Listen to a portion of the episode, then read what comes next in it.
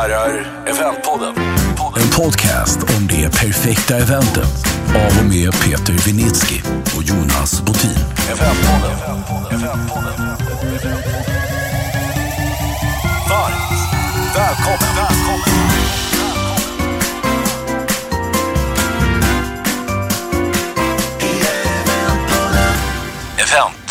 Content is king, Peter. Ja. Det häftigaste ämnet enligt mig som vi kan ha här. Så jag är supertaggad för idag.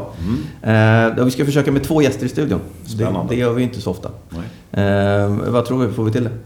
Jag är helt säker på att få till det. Vad kan gå fel? Eh, ja, vi kanske inte är överens eller vi kanske har väldigt olika åsikter. Hända. det är högt i tak. Det ska vi nog kunna få till. Härligt. Ja. Då börjar vi med en liten kortare presentationsrunda. Välkommen Ola Bringle, Creative Tack. Director Occasion. Tack så mycket, tack så mycket. Kul PS. Occasion heter det väl? PS Occasion ska vi säga Ja, nu. Precis. Det, det är. Eh, vi börjar med lilla faktat så ska vi borra lite i PS Occasion-starten. Mm. Ja. Eh, ålder 44. och bor? På Lidingö. Lidingö, familj? Jobb, är fru Ella och fyra barn. Härligt. Utbildning? Civilekonom med inriktning på finansiering. Eh, senaste arbetsgivare?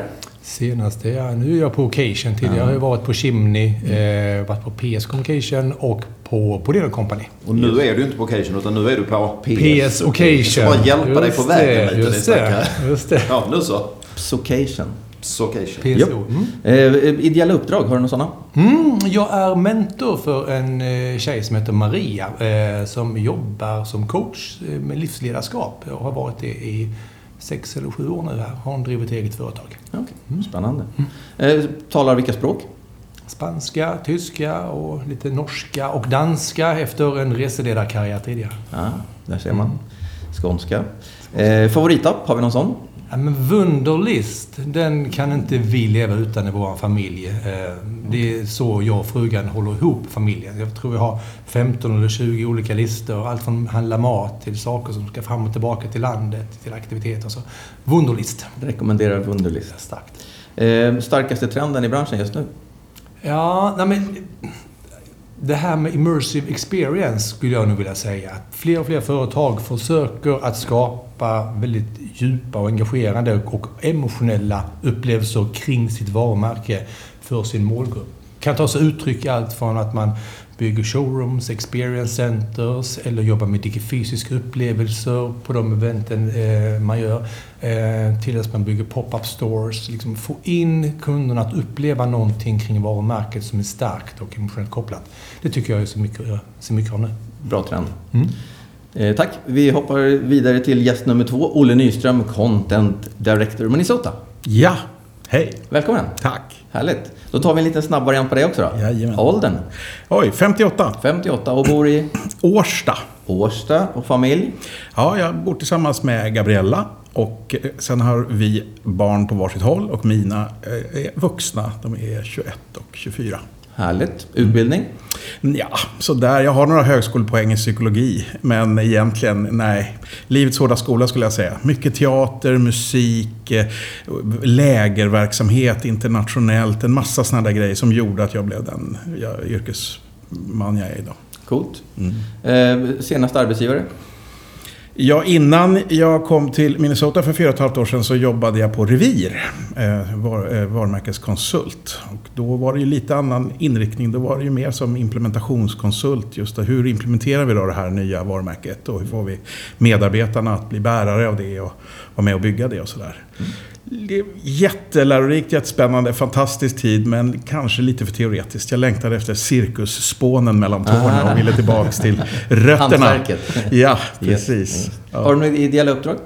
Ja, Minnesota jobbar ju för RBU, rörelsehindrade barn och ungdomar. Väldigt viktigt just nu att stötta dem när det gäller det här att få hjälp till assistans och så vidare. Sen har jag haft själv förmånen att jobba lite grann för eh, Brainpool, en organisation som eh, eh, organiserar, eller det är väl fel ord egentligen, för ungdomar med särskild begåvning. Som behöver faktiskt också träffas och hitta varandra och träffa människor som kanske lite grann tickar igång på samma sätt som man själv gör. Det kan vara lite ensamt ibland när man andra, kanske barn, vill ut och gräva i leran och själv vill man sitta inne och läsa om dinosaurier eller någonting annat. Det kan kännas lite ensamt också. Så att det är en jättehärlig organisation. En fantastisk kick att få träffa de här ungdomarna. Härligt, härligt. Hur är det på språksidan? Ja, alltså engelskan känner jag väl bekväm på. Men jag har ju inte samma bredd eh, som Ola här, måste jag säga. Nej. Så det är svenska, engelska och, och sen så eh, får det nog sättas punkt. Härligt, härligt. Eh, någon favoritapp som du vill tipsa om? Oh ja, Real Racing 3. Kraftigt eh, beroendeframkallande. Eh, jag kallar det för mindfulness. Min eh, fru brukar säga att jag rakar en apa. Det låter zzzz, och undrar vad jag håller på med. Men, men En gång till, vad heter den? Real... Real Racing 3. Man Real kör Racing. helt enkelt banracing med Härligt. bilar. Eh, Och det kan man göra på tunnelbanan, pendeltåget, hemma i soffan eller var som helst. Och bara försvinna in i en underbart njutbar värld i sådär en 200 km i timmen. Nice. Och du, då tar vi starkaste trenden så hoppar vi tillbaka lite till ämnet. Starkaste trenden i branschen? Eh, jag skulle säga den sociala arenan. Eh, arenan där människor träffas eh, i det fysiska mötet, fast på riktigt. Där det är vi som är huvudpersonerna, hu- huvudnumret och inte en massa människor som vill något. Utan vi, vad vi kan skapa tillsammans och vad vi kan uppleva här och, och vad vi får ut för värde av det. Att vi faktiskt får avsätta en dag tillsammans. Den, det tycker jag är den starkaste trenden. Snyggt. Då har vi fått en liten bild av våra gäster. Eh, Peter, vad skulle du säga är den starkaste trenden just nu? Nej men som så ofta då, då ska jag försöka plocka ner det här till eh, mammanivån igen som jag brukar tjata om. Att alla våra lyssnare är inte så bevandrade i det vi lite slarvigt kallar content så, som Olle och Ola och dig Jonas. Eh, utan jag, jag skulle vilja börja med att bara definiera kanske liksom väldigt kort vad är content. När vi pratar content, nu får ni rätta mig om jag har fel grabbar. Jag brukar säga att det är liksom det som händer. Väldigt förenklat. Om man är på en, låt oss säga en kick-off eller konferens så är det det som händer i konferensrummet på en eventuell scen. Det finns ju många olika arenor men det skulle kunna vara det. Och jag skulle vilja göra det lite enklare för jag, jag tycker inte att vi ska överskatta våra lyssnare. Vi ska inte överskatta hela vår eh, eventpopulation utan Ehm, jag tycker fortfarande man kan prata om trend med att allt fler förstår att man måste kunna uppnå en mätbar effekt. Och vi kan tycka att det är väl tio år för sent. Lik förbaskat så springer man på smarta begåvade människor hela tiden som vill göra jätteballa grejer. Du pratar om cirkusspån under, under tårna Olle. Och det kan man ju ha om det finns en mening. Så kanske det bokstavligt talat ska finnas cirkusspån. Men att man måste tvinga sig själv till att definiera tydliga mätbara syften och mål och sen mäta på det. Och att det ska hänga ihop med vad fasen är det vi vill med vår verksamhet? Var, varför gör vi det här? Och eh, sen kan det ju blomma ut till det ni pratar om naturligtvis. Men om vi gör det enkelt. Jag tycker om att vi ska göra det enkelt i den här podden. Våga kräva resultat. Och jag tycker att det fortfarande är en trend, lyckligtvis. Jag tänkte precis fråga, var det en trend eller är det något vi ska trycka, vi behöver jobba med konstant? Nej, men, men, det- låt, jag låt säga att trenden är att Mm. fler och fler inser det. Mm. Inte alla, tycker jag. Eh, Men allt fler. Då är det väl en trend antar jag. Då bollar jag till eh, Ola och Olle, vem som vill få hugga. Hur skulle ni beskriva content? Håller ni med Peter i beskrivningen? Mm, men självklart. eh, I den förenklade världen så är det ju det man säger, det man förmedlar, det man vill kommunicera och sen så förpackar man det på olika sätt. Det kan vara med film, det kan vara med en dialog eller ett anförande, en vanlig powerpoint-presentation eller ett skådespel eller hur man nu än vill förpacka det helt enkelt. Mm. Det är det som vi kallar content med enkla ord. Skulle vi kunna beskriva hur vi jobbar med det på byråerna idag då? Hur, hur, hur jobbar vi med content? Beskriv för den som inte vet hur byråvärlden ser ut när det gäller det. Det handlar ju väldigt mycket om att, att förstå eh, först och främst syftet med det här mötet. Vad är det vi vill uppnå? Och sen då att omsätta det i någon form av ofta rumslig kommunikation då, skulle man väl kunna kalla det för. Eh, en upplevelse. Det kan vara en scen men det kan också vara en social arena som jag sa där man minns. Och jag skulle bara vilja komplettera din definition med att säga att ett resultat kan ju också vara vad jag som deltagare går hem med. Det behöver ju inte vara att vi har kunnat överföra ett specifikt budskap eller uppnått ett speciellt mål i någon sorts aggregerad form tillsammans. Utan det kan ju också vara så att vi går hem från det här mötet och alla har fått reflektera mer, alla har fått så att säga förkovra sig inom saker som de är intresserade av och åker hem med ett större engagemang och en större vilja och engagemang för att liksom vara med och ta nästa steg på resan. Lite svårare att mäta i, i det som du tänker Peter, mät, Det mätmässigt vara. va? Mm. Det kan vara, men jag tror egentligen inte att det är omöjligt. och Det säger ju inte alls emot det du säger. Utan det är mer bara, och detta också kan vara ett, ett resultat av ett bra möte. Jag hade en lång diskussion med en VD på ett ganska stort företag häromdagen. Där, där han låg lite i mjugg. Vi, vi pratade om personalfest. Han sa ja, då ska du väl som vanligt tjata om att vi ska mäta effekten. Och då var jag så här, ja men varför ska vi inte göra det? Så hade vi ett jättespännande samtal. Där jag sa att vi kanske inte kan mäta på liksom, personalfesten i sig. Men vad skulle hända om ni mätte om ni kopplade er medarbetarundersökning och sen råkade göra den strax därefter. Och där finns ju alla de här standardfrågorna. Ser du dig själv på det här företaget om fem år och allt där. Skulle vara nyfiken på vad som hände. För, för en personalfest är ju, det är ju ett content i sig. Även om det kanske är väldigt ovanligt att man mäter effekten just kopplat till det. Så det behöver inte vara så himla svårt. Sen är jag helt med på att det kan absolut Mm. vara individuella saker som man ska åsiktsförflytta. Ola, du såg ut som du tänkte något där, eller var det? Nej, men jag håller, jag håller med om det. Eh, Med mätbarheten, det är superviktigt att, att både våga definiera vad är det vi vill uppnå för syfte. Ofta så är det om man ska känna att vi ska tävla något Gyllene Jul eller någon annan tävling. Ja, men då ska man ha uppnått en viss förflyttning eller man ska kunna räkna saker och så vidare. Eh, Men ofta så är ju effekten det som Olle inne på, att man får en känsla någonstans eller att man får en- högre lo- lojalitet eller man får ett engagemang kring någonting där. Eh, Och just att kunna mäta det, eller liksom kvantifiera det, det är väl det som vi tycker är jätteviktigt också. Knepigt för många. Ibland så är det, eh, tar det emot för vissa av våra kunder att uttala men vi vill bara att folk ska känna sig mer engagerade. För det kan upplevas lite flummigt eller eh, svårt att sätta tummen på eller svårt att säga högt i ett rum ibland. Men det är superviktigt. Fast det där är ju, jag tycker det är rätt intressant. Vi brukar tjata om, det kanske ni också pratar om, liksom man pratar, en, en påläst kund pratar om ja och så vill jag ha en hög ROI på det här. Och då brukar jag säga, ja fast i eventvärlden kanske vi får prata ROO. Använder ni den termen någonting? Nej, Return on Objective. Så att man kan sätta mål men du kan liksom kanske inte sätta ett värde i sig på. Du kan inte sätta pengar på det på något sätt. Utan som du, som du är inne på Ola, folk ska visa, liksom få ett större engagemang. Ja, det kan vara good enough, definitivt. Sen vill man ju liksom att de ska få ett större engagemang för att. Men någonstans så måste man kanske också bromsa och känna att om vi kan, om vi kan investera den här pengen och känna att deltagarna kommer därifrån och vi ser att wow, det brinner i ögonen på dem, de har supermycket energi. De kanske inte har lärt sig någonting konkret utan det är bara en känsla. Det måste man ju i vår värld kunna jobba med. Tycker jag. jag tycker det är ganska tacksamt att man kan göra det. Jag säger emot mig själv lite för jag, tycker, jag tjatar om att man ska kunna mät, påvisa en mätbar effekt. Men ett större engagemang är väl en mätbar effekt. Sen får det i sin tur snöbolla vidare till nästa steg. Ja, jag tycker absolut att man ska kunna se det som en mätbar effekt också. Ibland kan det vara svårt att mäta individuellt på mötet. Men om man jobbar med samma kund under lång tid. Jag, jag ska väl säga då för alla lyssnare också att jag jobbar väldigt mycket med interna möten. Jag jobbar väldigt mycket med kulturprocesser och den typen av förändringsresor och så vidare. Det, är- det är liksom lite grann min huvudsakliga liksom, ingångs... Eh, mitt perspektiv. Och då tycker jag någonstans att, att då kanske man inte bara måste mäta, vi mäter jättegärna och vi strider för det jättehårt, men man kanske inte bara måste mäta effekten på själva eventet. Utan jag tycker, ja men säg att vi ska jobba långsiktigt nu under ett antal år för att göra någon form av kulturell resa eller någon sorts av förflyttning eller ett sammanslagning av två företag som tar upp ett aktuellt exempel. Jag menar, då kan man ju också titta på det här med, med eh, olika typer av medarbetarmätningar. Hur trivs folk att jobba här? Hur känner de själva kring sitt engagemang? Hur, hur benägna är de att rekommendera den här arbetsplatsen till andra? Alltså den typen av företag som, redan gör, eh, som idag redan gör. Adderar vi då kanske ett årligt möte, vi, vi lyfter chefsmötena vid några tillfällen per år. Vad betyder det för företaget, organisationen, kulturen och kraften i det här bolaget? Det kan man ju faktiskt också mäta med hjälp av de befintliga mätningar som redan görs. Mm. Mm. Mm.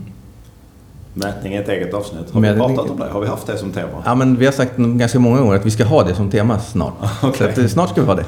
Det finns där någonstans. Ja, absolut, absolut. Då får ni bjuda in Sofia, min kollega. Då ska vi göra det. Perfekt. Du, vi bad er plocka med er varsitt case. Berätta hur, hur ni jobbade med content vid ett tillfälle där det blev sådär härligt bra. Mm, och jag ska börja. Det, är- Detta är ett eh, occasion case då. Eh, vår kund Clas Ohlson firade 100 år förra året, 2018.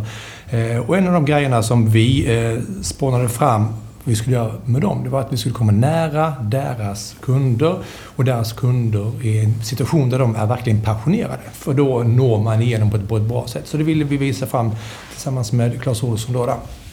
Och det vi gjorde, det var att identifiera ett antal situationer där kunderna är bryr sig väldigt, väldigt mycket om ett visst ämne, deras hobby eller deras intresse.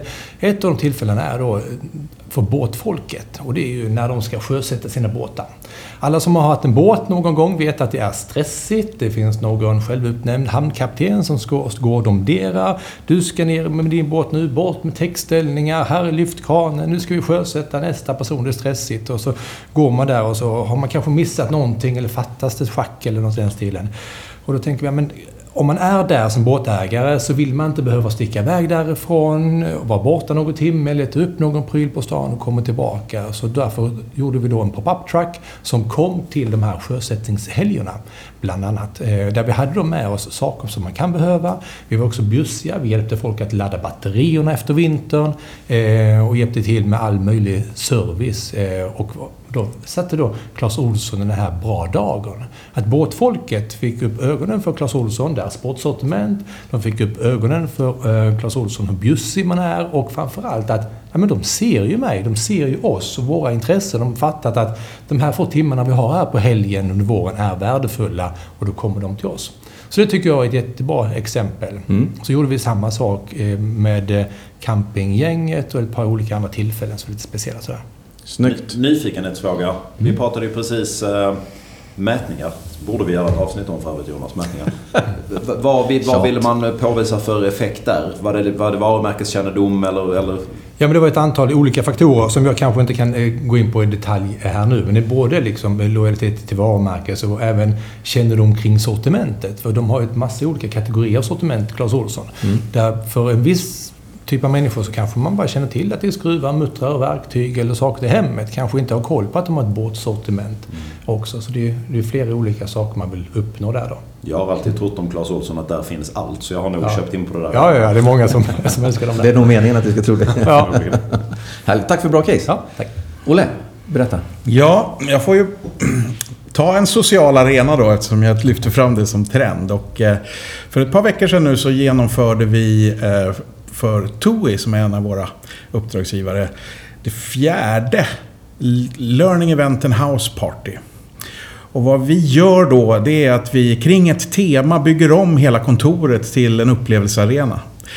Och eh, på den här arenan så eh, kan det finnas små scener. Vi kallar dem för TUI-X. Vi är inspirerade mm, av TED, TED såklart. Mm. Men, men eh, formatet är taget av TED. Istället för att vi står och pratar i 45 minuter så kör vi korta 15 minuter snabba byten. Och dessutom kör vi det här på flera våningsplan samtidigt. Så att man kan inte höra allt. Man måste välja och prioritera. Vi har också eh, eh, ett antal som vi kallar för workshop eller dialogstationer. Och då är det inte workshops som är ledda av någon person utan det är ett rum som kommunicerar. Så man kommer dit med sin grupp och sen så eh, får man en uppgift, en frågeställning. Kanske eh, nästa moment är en, en inspiration, en liten utställning eller någonting där. Och sen går man vidare till sista delen och då ska man plötsligt diskutera ihop sig och, och komma med slutsatser eller synpunkter eller idéer eller någonting sånt där. Och sen så växer då det här fram på väggarna där med om det är notisar eller man ritar på någon jättestor whiteboard eller man ritar och målar något på ett papper och hänger upp eller någonting. Alltså man fyller rummet då med, med alla, del, alla medarbetarnas olika tankar och åsikter. Och sen har vi också då olika typer av kunskapsstationer eh, och, och, så vidare dit man kan komma och besöka. Det kan vara olika delar av TOI som har sin egen lilla berättelse. Det kan vara så. Men just vid det här tillfället så hade vi det då på temat sustainability. Sustainabilities, att TUI ah. kallade vi det för. Och det roliga var att någonstans där på vägen så satt vi i ett möte och sa, men skulle vi inte kunna bjuda hit lite företag som kommer och berättar om hur de jobbar? Kan vi få en monter här någonstans på golvet och så får de berätta och kan få en, en, en liten slott där på 2X-scenen. Mm.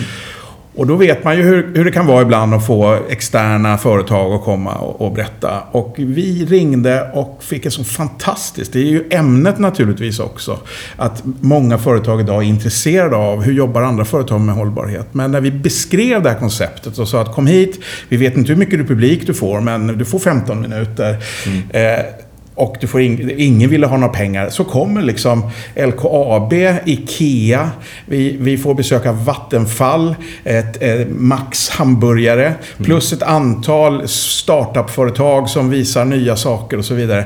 Och plötsligt så har vi liksom en social arena där dessutom andra företag kommer in. Boeing flög in från USA för att vara med här. Ett av eh, Toys egna eh, samarbetspartners, Atlantica, som driver hotell i Grekland, flög upp två personer för att få vara med på den här dagen.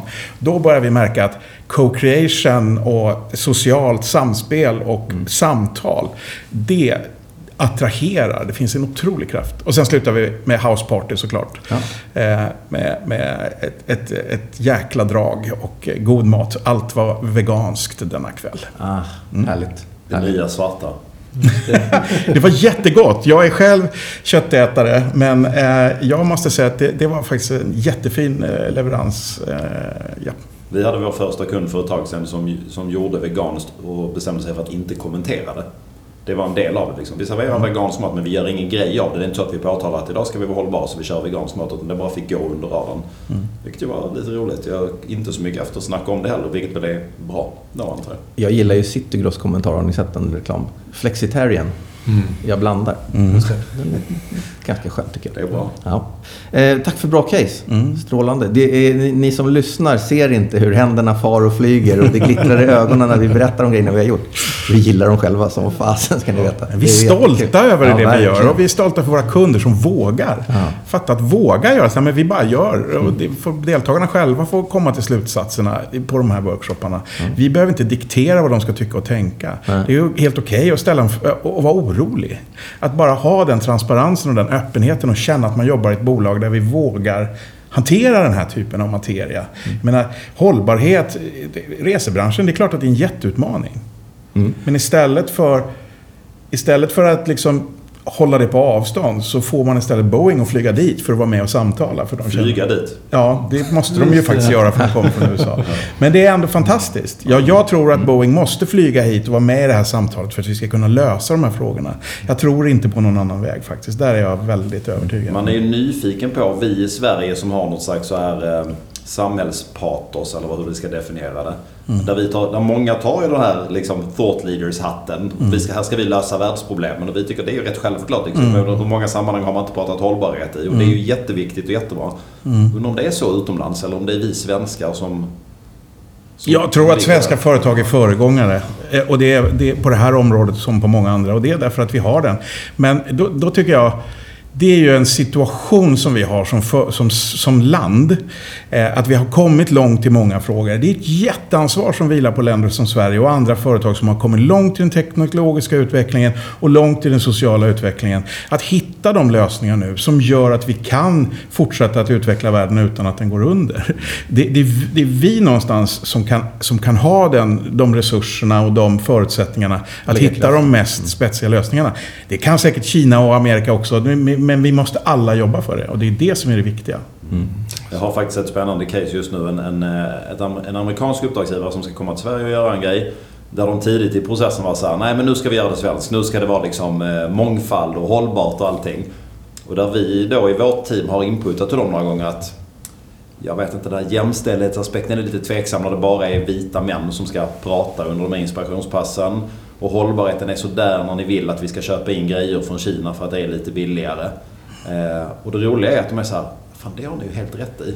Så att de vill jobba på det svenska sättet men det, det är mycket möjligt att det stärker eh, ditt resonemang där. Det, det var, de hade inte ens reflekterat över det. Medan vi, alla vi i rummet vet ju själva liksom den inte fastna i fällan att bara ha män på scenen i, i, vid en konferens till exempel. Det är så lätt att fastna där.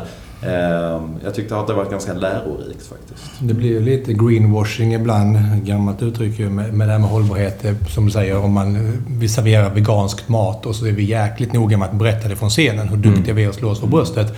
Och det blir, nej, det känns, känns inte fräscht på något sätt. Det blir kul att vi har sådana här aningslösa influencers som eh, kommenterar lite och hetsar lite, sätter igång debatten och får folk att reflektera. Du sa innan att det glittrar lite i ögonen på oss eh, när vi sitter här och det gör det ju faktiskt. Eh, Jag vet att både jag och Olle, vi har jobbat och kamperat ihop tillsammans tidigare. Eh, vi brinner ju för sådana här kommunikativt komplexa utmaningar. Där det är knepiga målgrupper eller där, där det är svåra saker att kommunicera. Det är mycket som ska fram samtidigt eller saker som folk kanske är lite skeptiska till eller saker som är svåra. Liksom, att där vi verkligen får både spänna bågen och utmana oss själva att hitta de här pedagogiska greppen. Mm. Det är också väldigt lätt att hamna i en fälla eller hamna där. Att man, ja, men, vi gör som vi brukar eller att man hamnar i kölvattnet av kundens tidsplaner. Att VDn och alla kommer med en presentation 24 timmar innan man ska köra som inte mm. har något, något tid att jobba mm. med de här grejerna. Så att, eh, eh, men det är det vi går upp för på morgonen. Mm. Att knäcka de här nötterna och se till att det blir en effekt av det vi gör. För jag tycker det är också lite vårt ansvar ur ett hållbarhetsperspektiv. Att det inte görs så mycket event och möten som är fruktlösa. För de fruktlösa, då är det waste. Mm. Om de ger någon effekt, om folk blir nöjdare eller det blir någon ekonomisk vinning eller att det blir en positiv eh, efterklang på det och de här effekterna vi pratar om, då är de inte fruktlösa och då gör vi vårt jobb på ett mm. rätt sätt. Så det är också ett ansvarstagande och därför är man ju lite jobbig ibland. Eh, man är lite djävulens advokat och ibland är det jätteskönt och kul att gå in och vara djävulens advokat ja. för att det, det brinner till lite sådär. Man blir lite obekväm ibland. Kanske mm. utsparkad någon gång också, men det, men det får det vara värt. Jag går så ofta in i de här mötena och säger jag är den jobbiga. För då har de ofta, liksom, i alla fall i vår organisation, har man ofta liksom, hängt med sin key account ett tag och så har man en ny utmaning och så kommer någon från vårt content team in och så kan jag vara med där som en av dem. Och då är jag så här, jag är den jobbiga jäveln. Och då småskattar de och sen förklarar man att mitt jobb det är ju liksom att göra er bättre och hjälpa er att sätta effekt på det här. Och då måste jag våga utmana, det kan inte bara vara en ja-sägare. Och det fattar ju de flesta. Samtidigt tycker jag att det är fortfarande lite uppförsbacke kvar. Det är ofta man får en förfrågan där kunden kanske inte riktigt förstår vad en eventbyrå kan bidra med. Mm. Upplever ni det också eller är det... Jo men så är det såklart. Jag tänker att det, att det, det är vårt upp, vår uppgift att vara den där plogen längst fram. Flyttar de fram sina sina gränser, då kommer vi flytta fram ännu mer. För det ligger ju i vårt liksom, pionjärsuppdrag att, att trycka på, tänker jag. Sen ska man ju ha respekt för att eh, det finns många olika företagskulturer. Vissa företag är väldigt välkomnande och konsultöppna. Men vi tar in er, vi lyssnar på er, vi jobbar med er, vi vill ju köpa. Men de vet själva att de sitter i försätet. Och andra ser ju, nej men eh, nu är det faktiskt vår VD, vår ledningsgrupp som ska sätta strategin och de kommer berätta för oss sedan vad vi ska säga på det här mötet, den här konferensen. Så att det, är väldigt mycket företagskulturer där, eh, mm. känner jag. Vad tycker vi om det? Ja, men jag tycker det är bra. man ska få ha olika typer av företagskulturer, för det avspeglar sig i många av de här ledarna där ute också. Eh, men vi vill ju gärna vara med och hjälpa till. Ja. Jag tror att det, det är vettigt att vara öppen och ta in, ta in professionella ja, jag, tycker, jag tycker det är en viktig princip att det, det är liksom ledarna i företaget vi arbetar för som äger det här mötet. Och det är vårt jobb att hjälpa dem att lyckas med det de vill göra. Men det gör ju också att ibland kan ju så att säga den syn på ledarskap som finns i den här organisationen också begränsa möjligheterna för hur bra möten vi kan göra.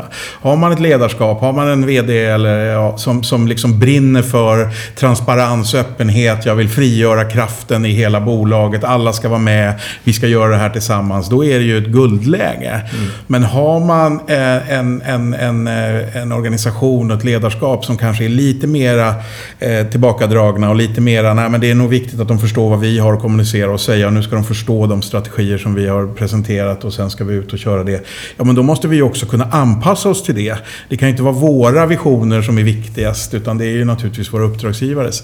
Sen måste man väl ibland kanske säga att jo, men, men, vi ser också vilken typ av ledarskap som verkligen fungerar och var man får kraften att verkligen blomma ut. Och då, då kanske vi har en syn på det här, men då får man också vara lite pedagog och sätta sig tillsammans med kunden och successivt eh, genomförande för genomförande någonstans försöka förflytta och göra den här resan tillsammans. Och det är också fantastiskt roligt att kunna se hur ett, ett, ett företag kan gå från en ganska konservativ syn och plötsligt några år senare våga göra en, en open space mm. till exempel utan ens en agenda på mötet. Utan mm. vi släpper all kraft till, till mm. deltagarna. Mm.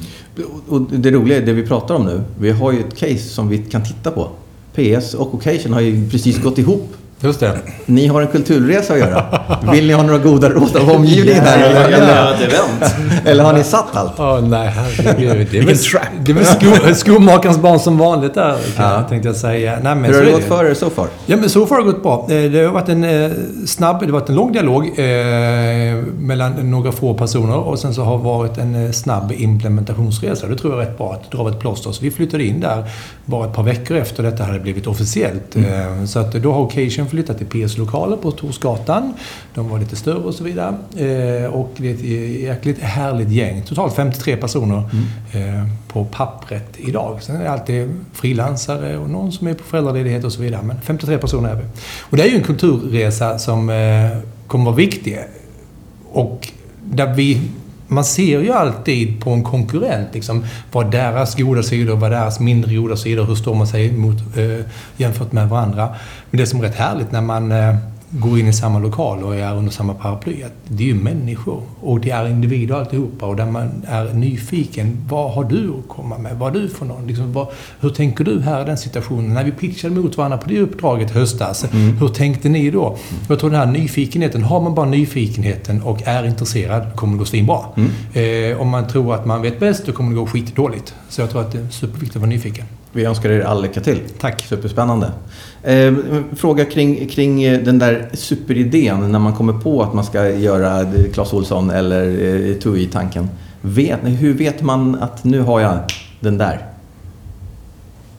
Alltså, för mig är det en väldigt organisk process. Jag tycker liksom sällan, ja det händer ju, men jag tycker sällan att det är just den där stora idén att allting kommer ner i knät på en som en enda stor klump. Utan jag tycker många gånger att det är att man man plockar med sig av saker man har gjort tidigare, man förädlar, man fortsätter och vidareutvecklar och plötsligt den här, den här resan vi har gjort med TUI, de första mötena var naturligtvis inte så här komplexa som det jag beskrev nu, utan det har successivt adderats. Något år kom vi på det här med TUI Talks och, eller TUI X och nästa år kom vi på det här och så vidare. Och så växer det fram. Och ibland kan man ju ta någonting som man har gjort från, för en kund eller för en uppdragsgivare, plocka in det och sätta det i ett nytt sammanhang och vrida på det och sen så kan man komplettera det igen. Så jag tycker det är en ganska organisk process många gånger med de här, hur de här idéerna kommer fram. Vad säger Ola och Peter? Men alltså, när man känner att idén är helt rätt, det är ju när man känner att shit, den här är rätt ner i eh, företagets strategi. Den liksom ligger precis i linje med vad de vill, i vilken riktning. Timingen är klockrent, för, är klockren, för det är många saker som liksom hjälper den här eh, idén. Och när man känner att eh, det liksom avspeglas också i företagets personlighet, deras liksom, uttryck. Eh, då känner man, då vet man att man har en bra idé, då kommer det flyga. Snyggt. Vad säger Peter? Nej, men jag, jag har någon sån här, jag har hittat min process. Jag, jag, typiska processen för mig det är så här. Få, få träffa kund, få en brief, förstå deras utmaning. Och så går man och grunnar på den lite under dagen. Och sen åker datorn fram där i soffan när man alibi tittar på TV lite med familjen. Och bara, där sitter den. Och då garvar jag alltid åt mig själv. För jag tycker att jag hittar den direkt, alltid samma kväll. Men jag vet också om att, äh, jag ska bara sova på saken lite. Och så finns det ju ofta något embryo där som är rätt men det kan sen ta liksom ett par veckor innan den sitter. Ibland landar den direkt. Jag har min löpbandstanketid annars. Där av någon anledning när jag går på löpband så brukar, då brukar det landa hos mig. Men jag tror det är väl, det är väl magkänsla. Det handlar väl om att vara trygg i sig själv. Sen tycker jag ju också det är väldigt stor skillnad på kunder man har jobbat med över tid och nya kunder. Eh, där man ju kanske ibland begår våld på sig själv för man vet att det här ser bra ut. Är det till exempel ett pitchförfarande så vill man ju gå på sin övertygelse men någonstans är det så här, fan det här kommer de ju köpa och det är ju 99. Även om man skulle vilja gå med sin 100% idé men det är inte säkert att den, att den landar. Då är det ju kanske skönare med kunder man har långa relationer med. Så att det är väl lite olika. Magkänsla, kan man svara det? Ja, det kan man absolut göra. Eh, vi har ju varit lite inne och tangerat på det. Behovet och förståelsen av, av, av content, hur tycker vi att det... Hur har det utvecklats? Och vart är vi på väg? Ja, men det tycker jag att det, det utvecklas kontinuerligt. Eh, ibland så är det vissa bolag som eh, gömmer sig bakom en eh, kommentar som Nej, men vi är väldigt eh, traditionsenliga. Vi är liksom eh, lite konservativa så vi väljer att göra på detta sättet. Vi sätter vdn 45 minuter som öppnar. Så kommer marknadschefen, kommer säljchefen och sen så är det lunch och sådär. Eh, sen kommer den roliga talaren. Sen kommer den roliga talaren. Så kommer någon eh, spexig människa från talarforum där vid klockan fyra på eftermiddagen. Och, och så längtar Skapar lite energi när vi går på fest. eh, nej, men jag tycker att det, det, utvecklas. Många är mer öppna. För eh, i takt med att eh, allt från TED-talks sprider sig till att man ser bra föreläsningar Rosling och gänget till att man ser hur vältaliga allt från politiker är till hur man är i TV, till kollegan eller också en yngre generation där man ser väldigt pålästa och duktiga yngre människor som kommer att ställa sig på scenen efter eller i samma sammanhang där som har läst på, de har övat, de har liksom spot on. Då känner man också kanske i det äldre gardet eller när man inte har varit mogen att eh, jobba med content mer liksom, aktivt att shit, jag måste get my act together här. Mm. Så jag tycker att det utvecklas i en bra riktning. Mm. Sen så vissa företag som är, liksom, har varit lysande stjärnor i 15 år, som till exempel Ericsson, mm. jätteduktiga jättelänge. Mm. Mm. Ja, jag håller med. Jag, jag har ju jobbat i den här branschen sedan 1986. Så att jag har lite perspektiv eh, på saker och ting här. Då var det content-fokus? Nja, det var en väldig kamp. Det fanns ju de som verkligen stred för detta redan på den tiden. Eh, Bosse Forsberg till exempel, som har varit eh, drivande på Step 2 mm. många, många, många år. En av mina mentorer. Och, och det var ju fler som, som någonstans fanns där. Och Jocke Bodén skulle jag också vi ska nämna, som har gjort jättemycket för branschen. Just mm. att göra den mer seriös och, och liksom få den att handla om verkliga saker. Eh, men eh, eh, nej, vi var inte där på 90-talet. Där vi är idag. Jag tycker att vi har en helt annan förståelse för mötets och upplevelsens liksom, roll i det strategiska arbetet. Mm. Just kring att samla människor, få människor att eh, prata ihop sig eller se, få samsyn, för känna att vi hittar den här gemensamma kraften, vilja någonting. Manifestera vad vi är, vad vi står för, vad vårt varumärke står för. Allt det där på något sätt. Det är få kunder idag som kommer till oss, tycker jag, och inte har en, en ganska seriös ambition med vad de vill uppnå. Mm. Så, så får man också säga att eh, tekniken och den tekniska utvecklingen har hjälpt till väldigt, väldigt mycket om man jämför med 90-talet, liksom, mm. före någon internettid, att tala om.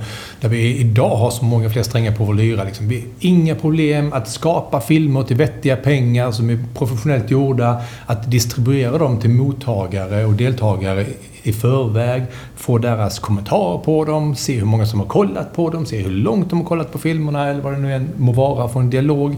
Interaktiva verktyg, digga fysiska prylar och även i lokalen. Det gör ju att vi har så mycket lättare för oss än om man pratar 90-talet där allting skulle vara på Betamax och det skulle ta veckor att rendera och så vidare. Det kostar jättemycket pengar ja. eh, att försvara och sådär. Så det är klart att eh, det måste ha utvecklats till till det bättre också. Men det är väl också hela behovet. Alltså tittar vi tillbaka till 90-talet, det låter som det är stenåldern, men 90-talet är ju nästan pre, liksom, en sån sak som e-mail och internet. Det, liksom, det dök ju upp där på riktigt. Det var som idag fast med diaprojektorer. Ja, men ungefär så. Men, men när du då samlade ditt gäng på 90-talet, då var väl grundbehovet ofta att informera till stora delar. Det var inte liksom, du behövde samla ditt säljteam fyra gånger om året för att berätta om mm. de nya kampanjerna och visa de nya produkterna och sådär. Det behöver du inte idag. Idag kan du prata helt andra saker. Du kan kommunicera via digitala hjälpmedel alltså året runt. Så du kan ju selektera bort en massa grejer vilket gör att den digitala utvecklingen utöver att stötta oss i själva genomförandet skapar ju en helt annan liksom, plattform för varför vi behöver träffas överhuvudtaget. Informera och imponera. Det är ju ingenting vi pratar om idag, men då fanns det en term, imponatorfilm kallade vi för. Den här, du vet, lite Manhattan Skylines. Dadam! Nu erövrar vi världen. Hela den här basen ligger och mullrar och gärna någon skön amerikansk liksom, speakerröst. Det ser vi ju inte idag på det sättet. Mm. så att... du menar att det var mer Monterey då, eller? Ja. Nej, men alltså, jag kan ju nästan längta efter det där. Jag jobbar ju med en del amerikanska organisationer och där produceras det ju sån film. Och jag kan ju tycka det är rätt skönt att dra på en sån där som starter på ett event idag. Om man jobbar med ett stor amerikansk koncern. Nej men kör en av de här härliga svulstfilmerna liksom. Vi kommer ändå kunna plocka ner det till jorden sen. Men det är väl skönt att få vara. Det är en del av deras kultur också tycker jag. Jag tycker inte vi ska hålla det där på för långt arms, avstånd heller. Nej. Vi kan gen leka med det lite. Men på den tiden, på 90-talet, då var ju det här... Det var ju, obligatoriskt. Det var en utav, ja, det var obligatoriskt. Det var ju också en av de saker som man faktiskt kunde ta betalt för. Det, var ju, det är ju svårt att ta betalt för något som ingen förstår värdet på. Ja. Och det här förstod man ju ändå. Liksom, att, att ja, men om det kittlar lite i magen på folk när de kommer in här, då blir det ändå lite... lite Då är det värt något. Ja. Ja. Ja. Det, låter som att vi tycker att vi, eh, content tar plats mer och mer. Större och större värde. Mer och mer nytta. Mer förståelse. Absolut, absolut. Alltså branschen har ju växt så mycket också. Det, det skulle ju inte finnas så mycket duktiga företag i branschen som det gör idag om det inte också hade funnits en seriös kundefterfrågan. Så att eh, jag tycker hela, bara hela branschutvecklingen och hur mycket av företagens budgetar som ändå börjar gå åt det här hållet. Jag, jag önskar gärna att de, att de förstod att de borde göra mer. Men, men ändå, liksom, ni förstår vad jag menar. Det, vi ser ändå en sån utveckling. Och det är både en push och en pull-effekt. Mm. Både push från företagets sida, att man vill nå igenom på ett bra sätt, men även pull-effekt. Att vi accepterar inte att sitta och, och eh, spendera tid eh, i ett- i en sal om inte det är bra grejer som vi får vara med om där. Eh, Då drar vi därifrån, eller så börjar vi tappa fokus och eh, jobbmaila på mobilen istället. Så att det är value for time som är superviktigt. Det är jätteroligt att jag själv var på ett event i helgen och de facto reste mig och gick för att jag kände att det var så långt ifrån vad jag behövde. Så att, ja, levande exempel. Det, absolut, stämmer. Hörrni, vi, vi, vi gillar ju att liksom prata om superhjältarna i vår bransch och sådär. Eh, och nu sitter vi bara killar här. Mm. Eh, duktiga content-kvinnor. Det finns ju många där ute som är väldigt, väldigt duktiga. Eh, flera av dem sitter på företag som uppdragsgivare eller content drivers på, eh, på företagen. Men några, vet jag att ni pratade om moderatorer tidigare, de har ju tagit rollen som moderator men även som innehållsproducenter. Jag vet, eh, Anna Olin Kardell, tycker jag är jätteduktig. Anna Starin, en annan person och PSM till exempel. Tre stycken som jag vill gärna droppa och Jag trycka kan fylla på med Anna Bellman om nu alla heter Anna förutom Pia. Just. Det finns ju mycket tjejer där faktiskt, det är sant. Mm. Anna jobbar jag mycket med, jätteduktig. Eh, Jag har en gammal kollega från revirtiden som heter Liselott Törngren som sitter på Gullers idag. De som har jobbat med hon, henne vet hur skarp hon är. Hon är en, en jättepredde. Många av dem som du nämner Ola också. Riktigt duktiga. Då är vår passning ut att ta hjälp av duktiga contentpersoner. Det finns många där ute som kan hjälpa er. Om ni vill ha. Absolut. Verkligen. Eh, om vi ska ge några tips till, till en, en kund för att göra enligt oss i det här rummet då rätt, eh, så rätt som möjligt i sitt event. Vad, vad, vad ska vi ge dem för, för bra tips? Korta rackare. Om jag ska köra tre snabba där. Mm. Utse någon contentansvarig internt hos er som både har förståelse för budskapen men även mandat. För ofta är det att man sitter och jobbar så ska allting upp och, och pratas med hos VD och marknadschefer och då faller det på vägen där för då vill man, får man inte sitta i samma rum och då är det lite svårt att bli lite viskleken. Så någon contentansvarig som även har mandat. Eh, våga vara spetsiga i budskapen. Ni behöver inte informera om allting alltid utan man kan eh, inspirera och engagera kring med mindre budskap eller smalare budskap. Och var bjussig mot målgrupperna. Eh, Kräv inte alltid någonting i gengäld. eh, Både mot kunder och mot interna utan våga vara bjussiga. Det är tre snabba. Grymt bra tips. Kloka råd. Eh, ja, sk- skilj på eh, den eh, praktiska processen och på contentprocessen. Eh, det är klart man kan börja sitta allihopa och prata, men låt contentprocessen ha sin egen resa. Och eh, eh det behöver kanske inte alltid vara exakt samma personer med på de här mötena alltid heller. Hela projektgruppen behöver inte träffas. Eh, jag, jag, jag tror att ett, väl, ett riktigt bra möte, och då pratar jag också när det gäller interna kulturförändringar och sådana utifrån mitt perspektiv. Eh, jag, jag, jag, förstår, jag har stor respekt för att om man är VD för en stor organisation att man inte har eh, all tid i världen att lägga på och sitta med eh, en eventbyrå och prata eh, idéer fram och tillbaka och så vidare. Jag har full respekt för det. Men Samtidigt så vet jag att de möten som vi gör som verkligen gör skillnad. De ledarna som äger de mötena, de skulle inte delegera hela contentprocessen till sina kollegor oavsett om det är skickliga HR eller informationsmänniskor.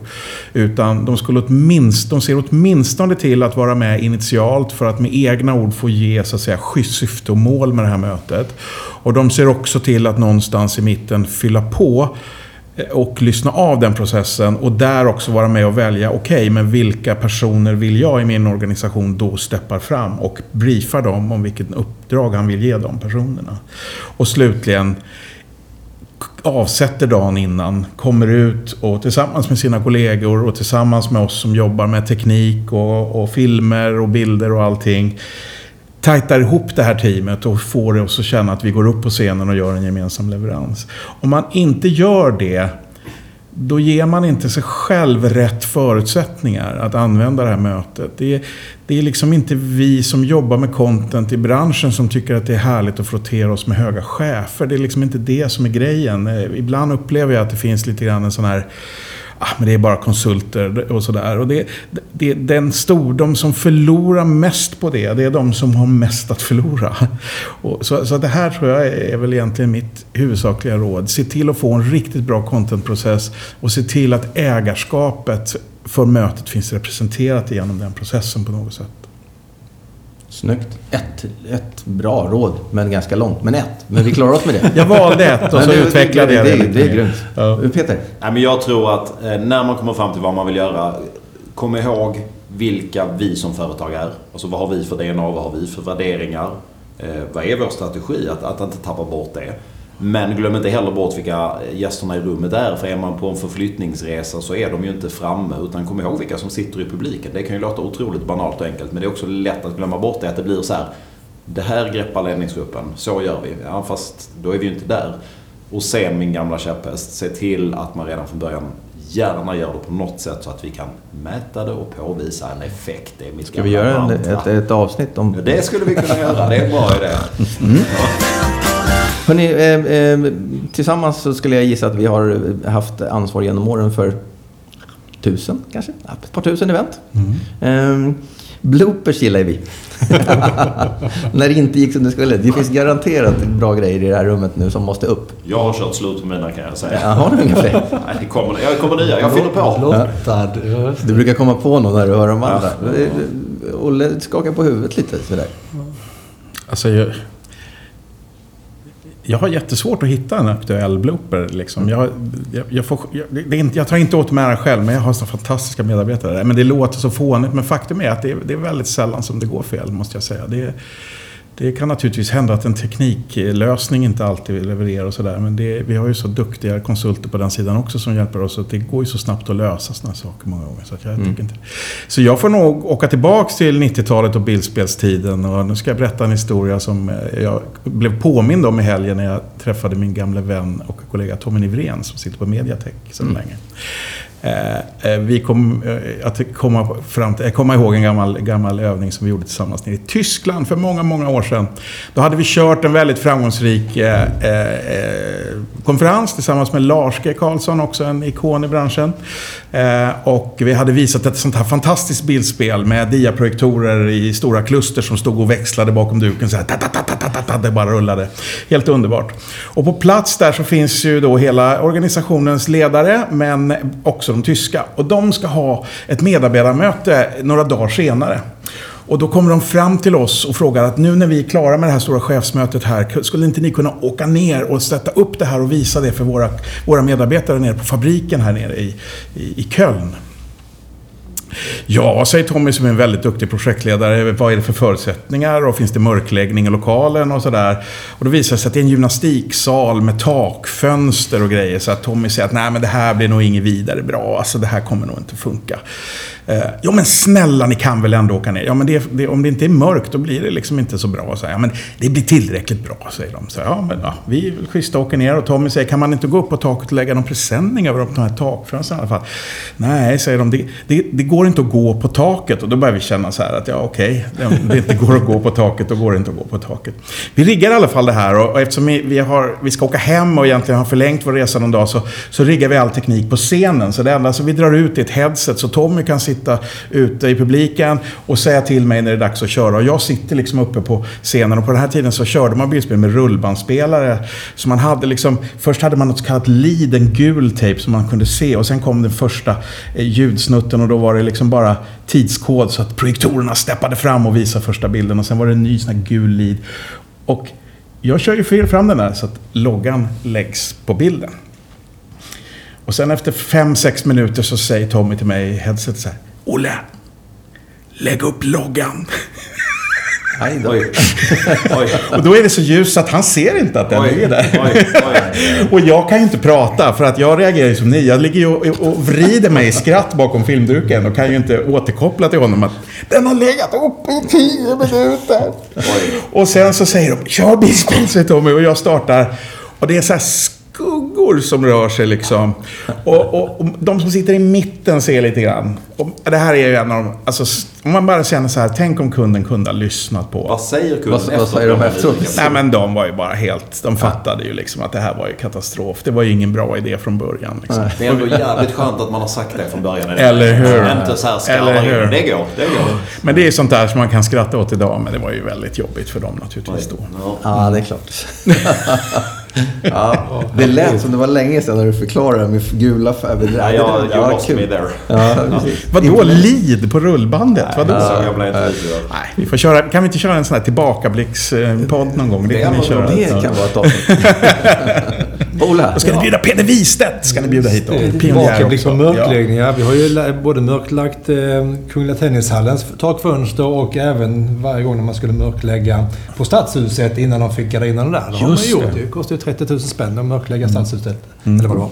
Ja, nej, men jag, jag är ju med en blooper. Men det finns massa bloopers. Det finns ju vissa som är jobbigare än andra, mer ångestladdade och sådär. Men ett av Sveriges största företag eh, som vi har gjort massa gig med, ska vi inte nämna här som är blooper-dags. Eh, de eh, spelade för några år, eh, in, några år sedan in ett antal filmer dagen innan ett event. Och då var det deras VD och någon annan viktig människa också som stod och pratade. Och då var de effektiva. Då körde de först den här hälsningen till det här gänget, eller det här talet som skulle visas. De spelade även in sådana här Investor Relations-filmer, för de skulle ha en kvartalsrapport och, och sådär. Berätta hur det gick eller inte gick och så. Allting laddades upp av filmbolaget på en FTP och så allting laddades ner och lades på en sticka, en hårddisk och st- stängdes in där. Och helt plötsligt när vi körde då, då skulle vi starta den här filmen. Play. Och så blir det tyst i ungefär fyra sekunder. Så kommer ju tre personer springande. Stoppa bandet! Stoppa, stoppa. För då är det ju den här Investor Relation-filmen som inte får komma ut. Som håller då på att rulla inför den här församlingen på 700 personer. Ehm, och det där är ju lite hårigt ju. Men, men det, och då blir man svettig. Och sen så sa man, nu tar vi det lugnt. Vad heter filmen? Och de heter ju väldigt lika. De är inspelade samma dag och så här. Lite taskigt benämnda och så vidare. Så det var en riktig blooper. Och skitjobbigt där ett antal sekunder och någon minut efteråt. Sen skulle man ju försöka liksom överleva eftermälet och det också. Svårt att förklara också. Det finns inte så mycket att använda. Nej, det finns ju inte det. Men någonstans... Det är bara att blotta sig. Det, det är ju där. Hanteringen av allt material och så vidare. Det är ungefär som att när man kör awards och sen så ser man ju logotyper eller man läser upp fel eller fel manuskort och sådär. Det har ju hänt på alla galor och sådär. Och det är ju bara ångest när man sitter där som producent och ska försöka behålla ett lugn och ropa något öra till någon eh, moderator som kanske eller inte kanske har medhörning och sådär.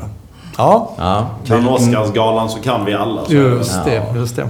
det är ju nerven också i Ja. live-delen som är lite härlig. Lite fallhöjd på den. Så. Eh, tack för bra bloopers. Eventpodden. Eventpodden vänder sig till alla som jobbar inom event eller är nyfikna på, på eh, branschen. Eh, vi vill gärna ha tips på ämnen och personer. Eh, tack till Olle och till Ola för att ni ville vara med oss. Tack Peter. Vi klarade f- fyramanna-snacket. Ja, vi hoppas det. Tycker vi va? Eh, på eventpodden.se finns det att lyssna och Facebook och LinkedIn för den som vill. Tack för idag. Tack så mycket. mycket. Tack.